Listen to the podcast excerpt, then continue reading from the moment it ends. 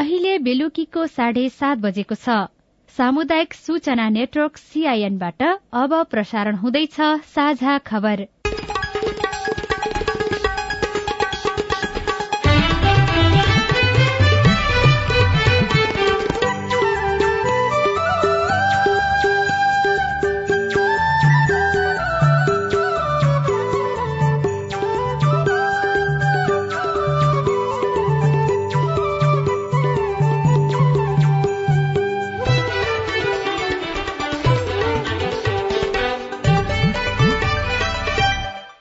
सीआईएनको साझा खबरबाट सोभिता रिसालको नमस्कार। साझा खबर देशभरिका सामुदायिक रेडियो सीआईएन खबर डट कम र मोबाइल एप सीआईएनमा पनि सुन्न सकिन्छ।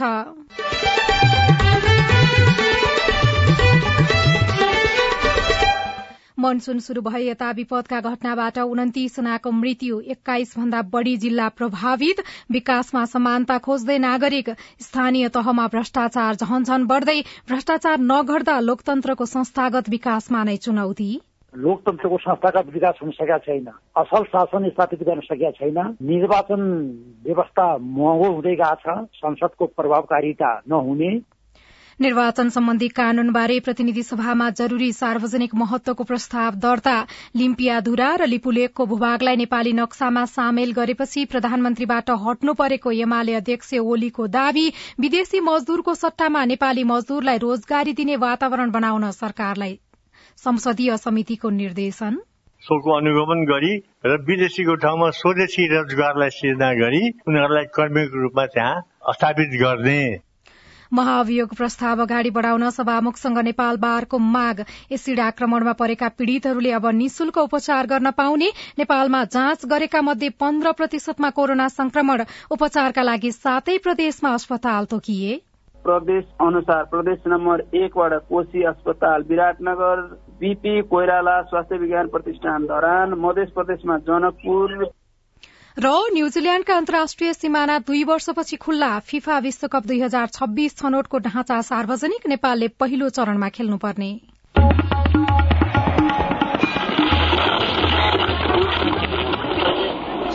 रेडियो।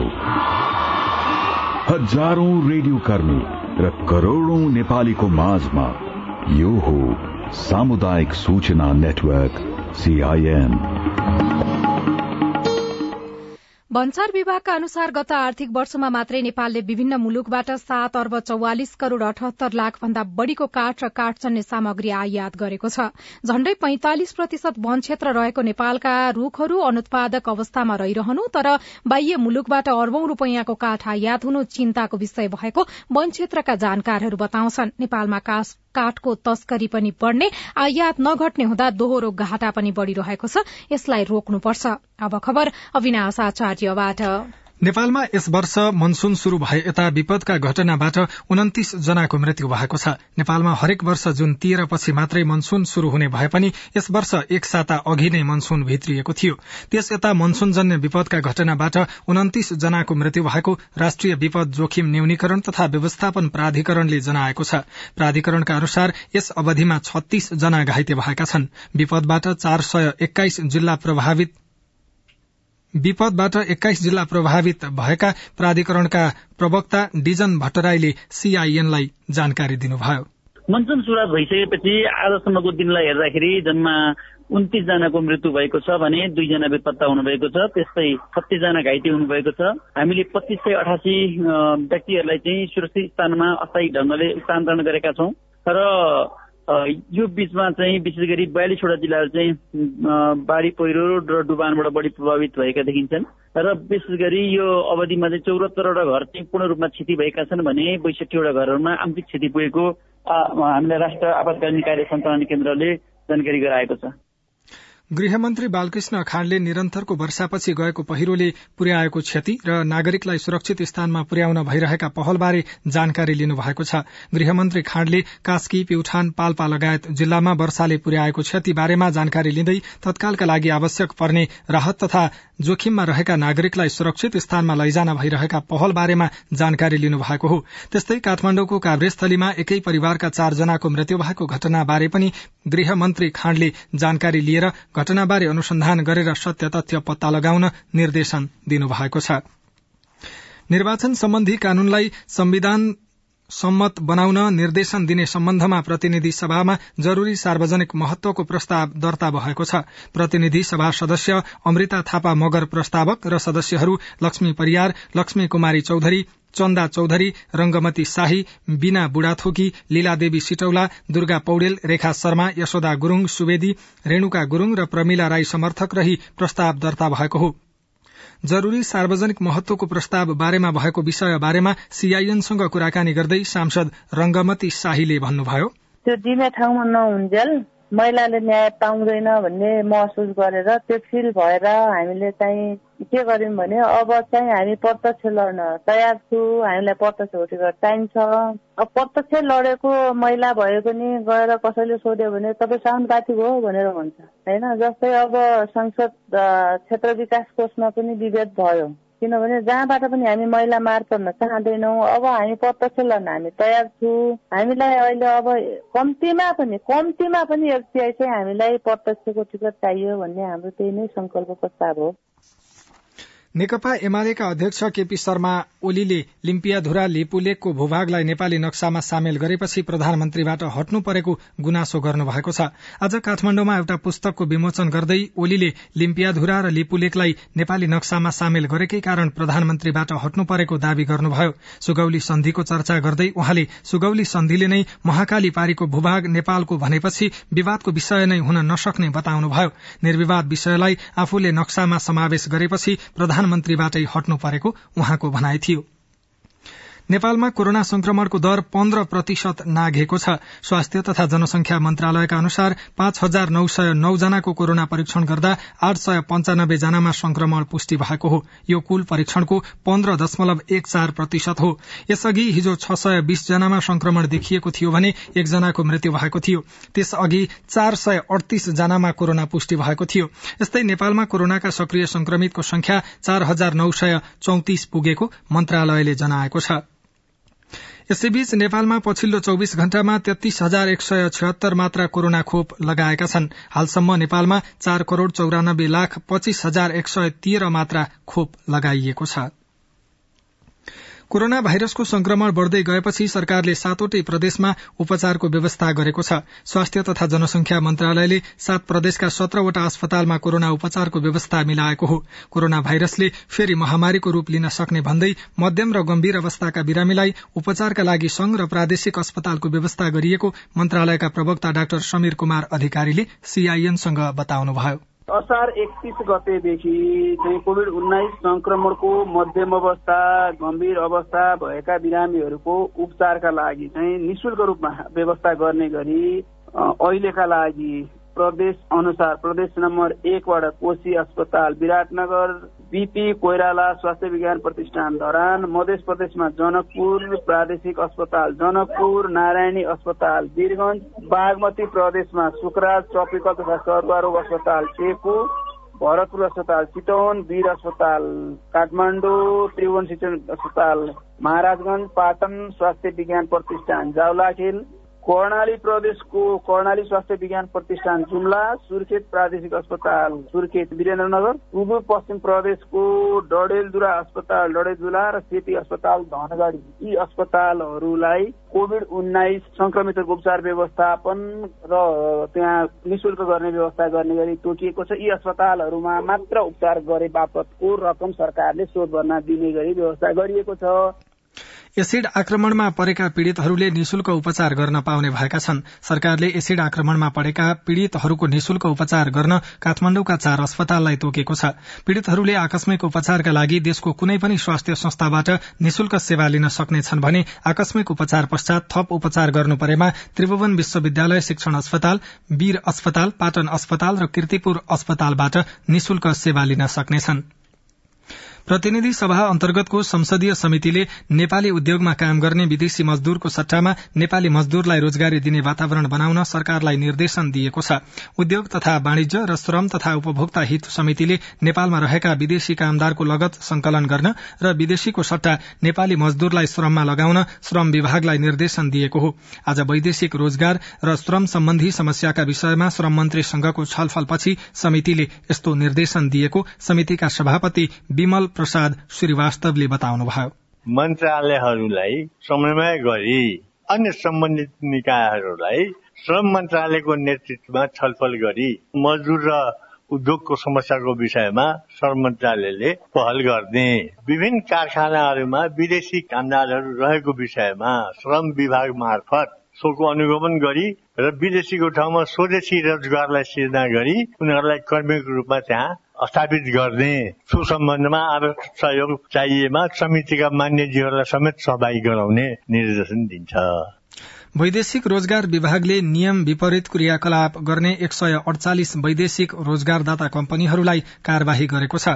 विभागले वैदेशिक रोजगार सम्बन्धी विज्ञापन प्रकाशनका लागि पूर्व स्वीकृति लिएर विज्ञापन प्रकाशन नगर्ने इजाजत पत्र लिएका एक सय अडचालिसवटा मेन पावर कम्पनीलाई जरिवाना गरेको हो। ती कम्पनीहरूलाई वैदेशिक रोजगार ऐन दुई हजार चौसठीको दफा उनपचास बमोजिम पचास हजार रूपियाँका दरले जरिवाना गरेको विभागका निर्देशक डम्बर बहादुर सुनवारले सीआईएनलाई जानकारी जानकारी दिनुभयो।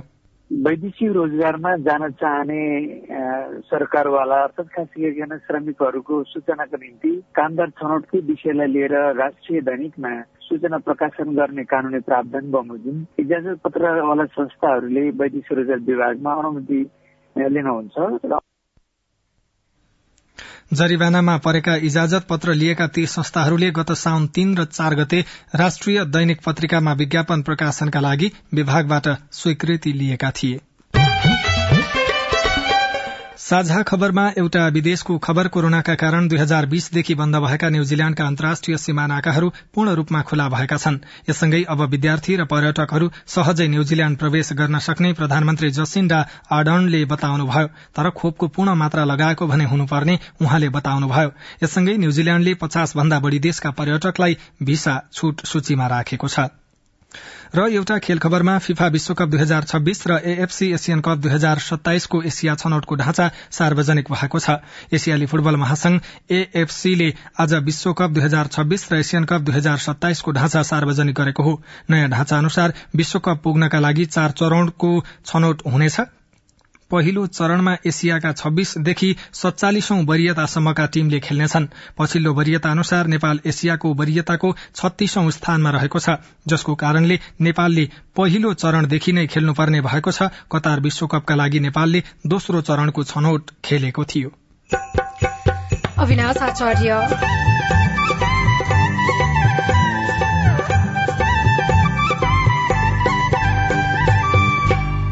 सिन्धुपाल्चोकका महिला गलैचा बुनेर आत्मनिर्भर बन्दै। पहिला त काम केही थिएन त्यतिकै बसिरहेको थियो खर्चको समस्या हुन्थ्यो। अहिले चाहिँ अब ओडाले तान दिएको छ अनि त्यही तान बुन्छु महिनाको अब जोडी बुन्यो भने अठार उन्नाइस हजार आउँछ। आमदानी बढेसँगै पारिवारिक मिलन पनि बढ्यो। रिपोर्ट देशभर भ्रष्टाचार बढ़दै रोकथामको उपाय के होला? लगायतका विशेष सामग्री बाँकी नै छन्। सीआईएनको साझा खबर सुन्दै गर्नुहोला। मम्मी खाजा। मम्मी मेरो होमवर्क गर्ने कापी। बुहारी एकदम खुट्टा दुख्यो। बुहारी चिया खान मन लागेको थियो। बुढी कपडा मैलो भएछ। अरे मेरो परिवार। भर्खरै सुनेको संवाद तपाईँलाई कस्तो लाग्यो? यही संवादलाई फेरि एकपटक यसरी सुनौ न है। मम्मी खाजा आज म बनाउँछु। मिठो बनाउँछु है। मम्मी मेरो होमवर्क गर्ने कापी मैले खोजिसके। अब म होमवर्क गर्छु। बुहारी एकदम खुट्टा दुख्यो। छोराले तेल तताएर लगाइदिएपछि अलि आराम भयो। बुहारी चिया खान मन लागेको थियो। सबैको लागि बनाएको छु। आऊ सबैजना खान। बुढी कपडा मैलो भएछ। घर नि कस्तो फोहोर। कपडा धोएर भ्याए। अब घर सफा गर्छु। कोरोनाको महामारीबाट बस्न पनि त सरसफाई जरुरी छ नि। आहा मेरो परिवार। तपाईँलाई दोस्रो संवाद कस्तो लाग्यो? पक्कै राम्रो लाग्यो। हो। तपाईँ हामी बीच जिम्मेवारी बोध भयो भने एक अर्का बीचको निकटतालाई अझ राम्रो बनाउन सकिन्छ। बाढी चोडी जिम्मेवारी परिवारमा समझदारी। महिला बाल बालिका तथा ज्येष्ठ नागरिक मन्त्रालय युएन वुमन ल्याक र अकुराबको सहकार्य। सामाजिक रूपान्तरणका लागि यो हो सामुदायिक सूचना नेटवर्क सीआईएन तपाई सामुदायिक सूचना नेटवर्क सीआईएनले तयार पारेको साझा खबर सुन्दै हुनुहुन्छ। प्रतिनिधि सभा अन्तर्गतको संसदीय समितिले नेपाली उद्योगमा काम गर्ने विदेशी मजदूरको सट्टामा नेपाली मजदूरलाई रोजगारी दिने वातावरण बनाउन सरकारलाई निर्देशन दिएको छ। नेपाल बार एसोसिएशनले प्रधान न्यायाधीश चोलेन्द्र शमशेर जबरा विरूद्धको महाभियोग प्रस्ताव अगाडि बढ़ाउन सभामुख अग्निप्रसाद सापकोटासँग माग गरेको छ। नेपाल बारको टोलीले आज सभामुख सापकोटालाई भेटेर न्यायपालिकाका प्रमुख विरूद्धको अभियोग अलपत्र नपार्न आग्रह गरेको हो। राजनैतिक दलहरूलाई आफूहरूले दबाव दिने र पारित गर्नका लागि बाहिरबाट काम गर्ने भन्दै बारका प्रतिनिधिले महाअभियोग थन्क्याएर नराख्न सभामुख सापकोटालाई आग्रह गरेका हुन्। चालू आर्थिक वर्षमा विद्यालयमा नर्स कार्यक्रम थप पच्चीसवटा स्थानीय तहमा विस्तार हुने भएको छ। विद्यालय तहबाट नै बालबालिकालाई स्वस्थ जीवनशैली अपनाउन प्रेरित गर्ने उद्देश्यले शुरू भएको विद्यालय नर्स कार्यक्रम थप पच्चीस स्थानीय तहमा विस्तार हुने स्वास्थ्य तथा जनसंख्या मन्त्रालयले जनाएको छ। स्वास्थ्य तथा जनसंख्या मन्त्रालयले निकालेको स्थानीय तह कार्यक्रम मार्ग निर्देशन अनुसार यो वर्ष पच्चीसवटा स्थानीय तहका दुई सय बत्तीस विद्यालयमा नर्सहरू नियुक्त हुनेछन्। सरकारको तथ्याङ्कले भन्छ पछिल्लो तीन वर्षमा उद्यममा जोडिने महिलाको संख्या एक लाख भन्दा बढ़ी छ। पछिल्लो समय स्थानीय सरकारबाट विभिन्न तालिम लिएपछि ग्रामीण क्षेत्रका महिला उद्यममा जोडिएका छन्। सिन्धुपाल्चोकका महिला पनि गलैंचा बुनेर राम्रो आमदानी गरिरहेका छनृ। वर्ष दिन भयो चौतारा साङ्गाचोगढ़ी नगरपालिका वडा नम्बर तीन बतासेका मनमाया तामाङको दैनिकी फेरिएको छ। वडा कार्यालयबाट तीन महिने गलैचा बुनाई तालिम पाएपछि फुर्सदको समय सदुपयोग मात्रै भएको छैन कमाई पनि राम्रो छ। गलैचा बुनाईबाट हुने मासिक बिस हजार आमदानीले घर खर्च चलाउन सजिलो भएको छ। घर घरमा बुन्दैछ समूह पनि छ हाम्रो अहिले समूहले बुन्दैछ सबै समूहले गएर गर्दाखेरि चार लाख पाँच लाखसम्म कमाइ हुन्छ। घर खर्चकै विषयले श्रीमानसँग झगडा परेर छुटिएर बस्नु भएका सानोमाया तामाङलाई पनि गलैचा बुनाईमा लागेपछि छोराछोरी पढाउन र घर चलाउन सहज भएको छ। पहिला त काम केही थिएन त्यतिकै बसिरहेको थियो खर्चको समस्या हुन्थ्यो। अहिले चाहिँ अब ओडाले तान दिएछ अनि त्यो तान बुन्छु महिनाको अब जोडी बुन्यो भने अठार उन्नाइस हजार आउँछ। त्यही पैसाले घर व्यवहार चलाउँछ बच्चाहरू पढाउँछ। सिन्धुपाल्चोको जुगल हेलम्बु लिसङको पाखर पाँच पोखरी थाङपाल गाउँपालिका र मेलम्ची नगरपालिकाका महिलाहरूको पनि मुख्य आय स्रोत गलैचा बुनाई भएको छ। महिला स्वरोजगारसँगै बजारीकरण पनि राम्रो हुन थालेपछि स्थानीय सरकारले पनि गलैचा बुनाई तालिमसँगै गलैचा बुन्ने तान लगायतका आवश्यक सामग्री निशुल्क वितरण गर्दै आएको छ। चौतारा साङ्गाचोगढ़ी नगरपालिका तीनका वडा सदस्य कमला विश्वकर्मा। एक सय अस्सीजनालाई चाहिँ तान वितरण गरेछौ। सिपमूलक कार्यक्रम गरिकन चाहिँ उहाँहरू चाहिँ आत्मनिर्भर भएर आफूले घर खर्ची चलाउन आफ्नो छोराछोरीलाई पढाउन गर्न चाहिँ श्रीमानसँग मागेर चाहिँ हिँड्नु परेको अवस्था नि छैन। गुणस्तरीय गलैँचाका लागि बजारको अभाव नभएको उद्यमीहरू बताउँछन्। गलैँचा बुन्नका लागि धागा लगायतका सामग्रीहरू व्यवसायले ल्याइदिने र बुने बापतको ज्याला गलैँचाको स्तर हेरेर भुक्तानी दिने गरेका छन्। दीपक खत्री सीआईएन रेडियो सिन्धु सिन्धुपाल्चोक नवलपरासी पूर्वको मध्यबिन्दु नगरपालिकाका तीन ब्रह्म स्थानमा दुई दाजुभाइ मिलेर गरेको कुरेलो खेती सबैका लागि उदाहरणीय बनेको छ। भक्तपुरका दुई दाजुभाइ विश्वराम ख्याजु र जयराम ख्याजुले मध्यबिन्दु तीन ब्रह्म स्थानमा जग्गा भाडामा लिएर कुरिलो खेती गरिरहेका छनृ। खेती भन्दा यो खेती भन्दा राम्रै छ। विश्वराम ख्याजुलाई व्यावसायिक रूपमा कुरिलो खेती गर्न मन लाग्यो तर भक्तपुरमा पर्याप्त जग्गा थिएन। उहाँ पूर्वी नवलप्रासीको मध्यबिन्दु तीन वर्म स्थानमा आउनुभयो र दुई बिघा जग्गा भाडामा लिएर कुरिलो खेतीमा लाग्नुभयो। भक्तपुरमा त पहिलादेखि गरेको थिएँ यहाँ आएको दस वर्ष जति भयो। यहाँ लगभग दुई बिघा छ लिजमा बाह्र लाख लगानीबाट शुरू भएको कुरिलो खेतीले हाल वर्षमा पच्चिस लाखसम्म आमदानी दिन्छ। सुरुमा त्यही बाह्र लाख जति लगानी वर्षमा यसको चाहिने यस्तो कि यसमा एकदम केयर गर्नुपर्छ। राम्रो उत्पादन भयो भने बिघामा डेली पचास किलोको हिसाबले तीन महिनासम्म हुन्छ। खर्च कटाएर पच्चिस लाख जतिको भयो। विश्वरामका दाजु जयराज ख्याजु पनि मर्म स्थानमै कुरिलो खेती गर्नुहुन्छ। उहाँले कुरिलोको व्यावसायिक खेती थालेको एक वर्ष मात्र हुँदैछ। उहाँले पनि आमदानी गर्न थालिसक्नु भएको छ। बाहिर जाँदाखेरि दिनको दुई हजार कमाइ हुन्छ।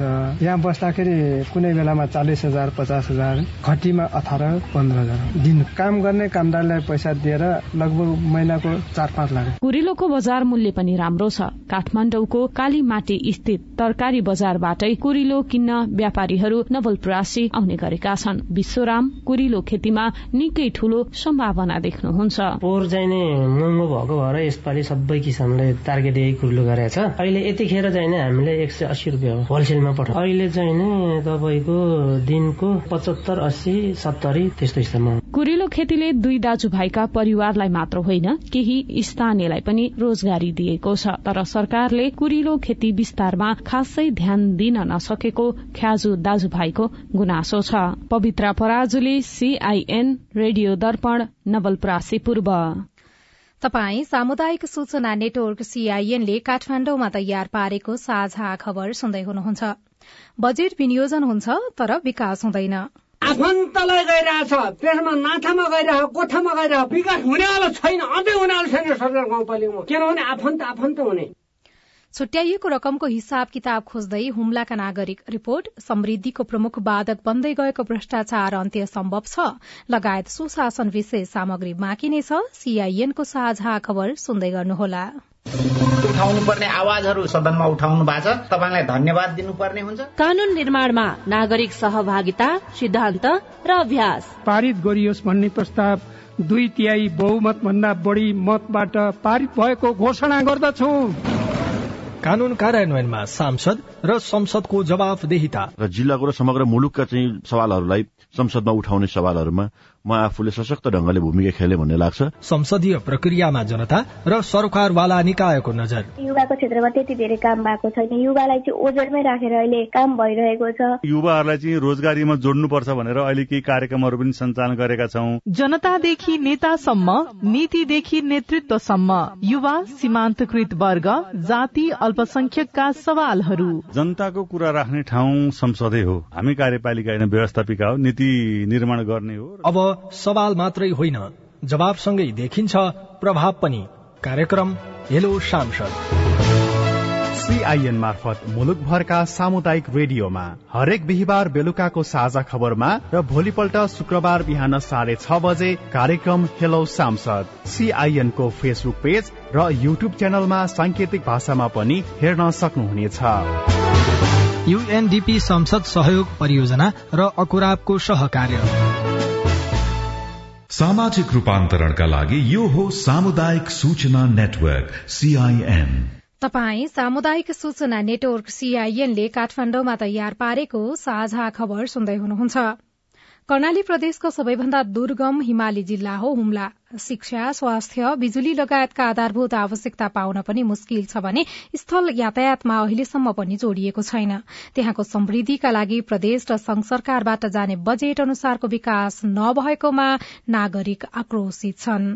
संघीय कार्यालय मार्फत दुई हजार अठहत्तर उनासीको खुद बजेट तीन अरब अठाइस करोड़ उनासाठी लाख थियो भनेपछि पुँजीगतमा चाहिँ हाम्रो खुद बजेट उना पचास करोड़ थियो भने जसमा टोटल खर्च चाहिँ जिल्लाको तीन अर्ब छब्बिस करोड़ भएको छ। आर्थिक वर्ष दुई हजार अठहत्तर उनासीमा संघ र प्रदेशबाट आएको बजेट कोष तथा लेखा नियन्त्रण कार्यालय हुम्लाका प्रमुख निराजन उपाध्यायले प्रस्तुत गर्दा नागरिक उत्साहित थिए। पूरा हुन बाँकी सपना थिए। तर नयाँ आर्थिक वर्ष शुरू भइसक्दा अघिल्लो आर्थिक वर्षमा भएको खर्च र विकास बीच हुम्लावासी तालमेल देख्दैनन्। सिमकोट गाउँपालिका दुई ठेका धनसुर सुनार जति जे बजेट भए पनि ठुल्ठुलो बजेट उस्तै ठुला ठुला मान्छे पाउँछन्।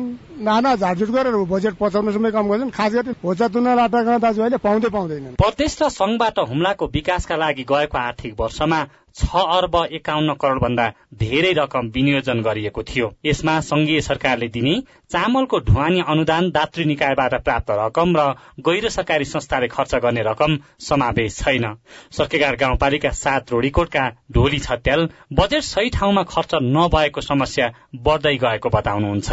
आफन्तलाई गइरहेछ त्यसमा नाथामा गइरहेको गोठामा गइरहेको विकास हुनेवाला छैन अझै हुनेवाला छैन सरकार गाउँपालिकामा किनभने आफन्त आफन्त हुने। अब हामी त के चाहिने रह सर? जम्मा पार्टी चाहिँदैन हाम्रो घर चाहिन्छ रह त हप्पैमा। हामी त वाक्क बिक्क भयौँ अब हुम्ले वाक्क बिक्क भयौँ यसपालि राष्ट्रिय जनगणना अनुसार हुम्लामा दस हजार तीन सय तेह्र घरधुरी छन्। प्रदेश र संघ सरकारबाट आएको बजेटलाई भाग लगाउने हो भने प्रति घरधुरी छ लाख एकतिस हजार चार सय चौवालिस रुपियाँ छयासी पैसा पर्न जान्छ। तर त्यति बराबरको विकास जिल्लामा देखिँदैन। मानसरोवर बहुमुखी क्याम्पस हुम्लाका पूर्व प्रमुख बसन्त रोकाया। जुन बजेट छुट्याउँछ तेह्रमा विकास हुम्लामा नहुनुको एउटै अर्थ छ विकासे संस्कृति र विकास सोच नहुनु हो। विशेष त यहाँ बजेटलाई एउटा वितरणमुखी र एउटा कार्यक्रममुखी रूपमा ल्याउँछन्। तिनै तहका सरकारले हरेक आर्थिक वर्षको बजेट ल्याउँदा मानव विकास सूचकाङ्कमा सुधार ल्याउन बजेट केन्द्रित गर्ने प्रतिबद्धता जनाउँछन्। तर आर्थिक वर्ष सकिँदा बजेट कसरी सक्यो भन्ने जिल्लावासीले नै थाहा पाउँदैनन्।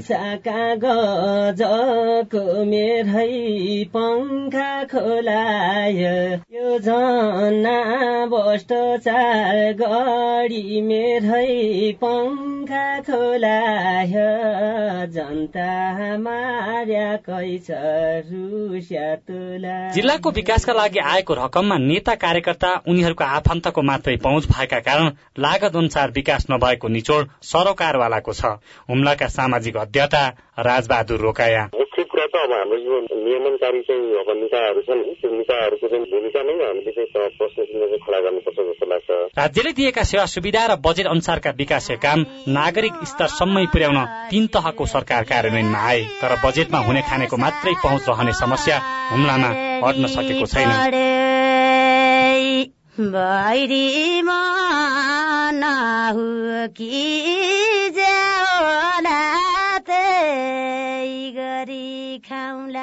नवराज महतारा सिआइएन रेडियो कर्णाली आवाज सिमकोट हुम्ला मुलुकको अर्थव्यवस्थासँग जहिले जोडिने पारदर्शिता हो आयव्ययमा देखाइने इमान्दारिताका कारण मुलुक समृद्ध बन्छ भने छल कपटले खोक्रो बनाउँछ विश्वव्यापी रूपमा समृद्धिको प्रमुख बाधक बन्दै गएको भ्रष्टाचार अन्त्य गर्न सम्भव छ जनतासँगको अपेक्षामा जुन घोषणा पत्रहरू जारी गरेर अहिले राज्य सञ्चालन गरिरहेका छन् ती घोषणा पत्रको एक एक बुदा केलाउने हो भने पनि ती कुनै कुराहरू काम भएका छैनन्। कुनै पनि मुलुकको आर्थिक कारोबार सेवा सुविधा लगायतका विषयमा त्यहाँका नागरिक सन्तुष्ट छन् या छैनन् भन्ने प्रश्नको जवाफका आधारमा भ्रष्टाचारको मात्रा पत्ता लगाउने गरिन्छ। आर्थिक सहयोग र विकास संगठन नामक संस्थाको सन् दुई हजार एक्काइसको तथ्याङ्क अनुसार स्विट्जरल्याण्डमा सरकारप्रति जनविश्वासको दर चौरासी प्रतिशत भन्दा धेरै छ।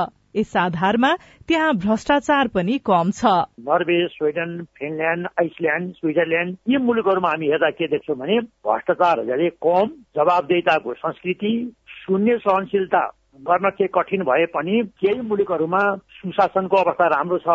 भ्रष्टाचार विरूद्ध क्रियाशील ट्रान्सपरेन्सी इन्टरनेशनलका अनुसार सबैभन्दा बढ़ी भ्रष्टाचार दक्षिण सुडानमा हुन्छ। भ्रष्टाचार हुने मुलुकमा नेपाल तेत्तीस अंकका साथ एक सय सत्रौं स्थानमा रहेको छ। भ्रष्टाचार र समृद्धि बीचको सम्बन्धका बारेमा बताउँदै एकजना प्रशासन क्षेत्रका जानकार काशीराज दहाल। लोकतन्त्रको संस्थागत विकास हुन सकेका छैन असल शासन स्थापित गर्न सकेका छैन निर्वाचन व्यवस्था महँगो हुँदै गएको छ राम्रा र योग्य व्यक्तिहरू छनौट हुन नसक्ने कारणले संसदको प्रभावकारिता नहुने र सरकार जवाबदेही नबन्ने न्यायपालिका पनि जुन किसिमको निष्पक्ष र सक्षम भूमिका निर्वाह गर्नुपर्ने राजनीतिले त्यसलाई पनि प्रभावित बनाउने भ्रष्टाचारले विकासलाई अवरुद्ध गर्छ। समाजका हरेक क्षेत्रमा त्यसले प्रभावित पारिरहेको अवस्था छ। राजनीति न्यायमा पहुँच वित्तीय अनुशासन सहित आधा दर्जन भन्दा धेरै मापदण्डका आधारमा औसत अंक निकालेर सूचकाङ्क तयार पारिन्छ। सरकारले मात्र होइन गैर सरकारी क्षेत्रले पनि भ्रष्टाचार नसहने अनि नगर्ने भनिरहँदा नतिजा भने सन्तोषजनक देखिँदैन।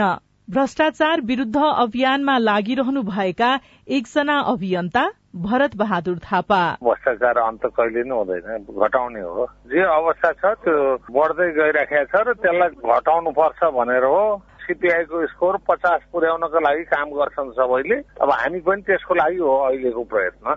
डेनमार्क फिनल्याण्ड न्यूजील्याण्डमा भ्रष्टाचार निकै न्यून छ। सीमित देशमा सुशासनको नमूना देखिए पनि विश्वभर भ्रष्टाचारको दर चौरासी प्रतिशत रहेको ट्रान्सपरेन्सी इन्टरनेशनलको भनाइ छ। ट्रान्सपरेन्सी इन्टरनेशनल नेपालका पूर्व अध्यक्ष श्रीहरि अरियाल। नेतृत्वमा रहेका व्यक्तिहरू अथवा नेताहरू सदाचारी हुनुपर्छ। भ्रष्टाचारकै निमित्त सत्ता प्राप्तिका लागि उनीहरू दौडिरहेका हुन्छन्। अब आउने चुनाव जो छ चुनावबाट परिवर्तन हुन्छ भन्ने कुराको पनि विश्वास हामी गर्न सक्दैनौँ। किन सक्दैनौँ भने चुनावले फेरि ल्याउने यिनै नेतालाई हो। जबसम्म त्यसरी शासन सत्ता यिनीहरूले चलाउँछन् तबसम्म भ्रष्टाचार न्यूनीकरण हुँदैन। तथ्याङ्क अनुसार विश्वभर प्रत्येक चार जनामा एकजनाले सार्वजनिक सेवा पाउनका लागि घुस दिनु परिरहेको छ। सुशासन घट्दै र अपारदर्शिता बढ़दै जाँदा गरीब वर्ग झन अभाव महँगीको मारमा पर्दै जाने र हुने खाने वर्ग झन सम्पन्न हुने अवस्था आइरहेको जानकारहरू बताउँछन्।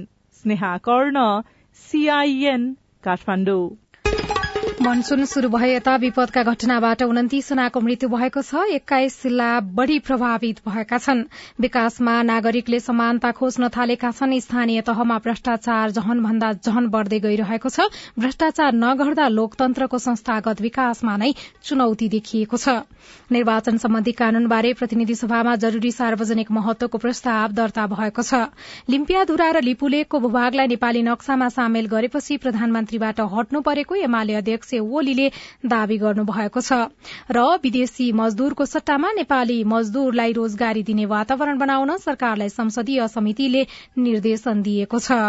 हवस् त आजलाई साझा खबरको समय सकियो। प्राविधिक साथी सुरेन्द्र सिंहलाई धन्यवाद। भोलि साउन सत्र गते बिहान छ बजेको साझा खबरमा फेरि भेटौँला।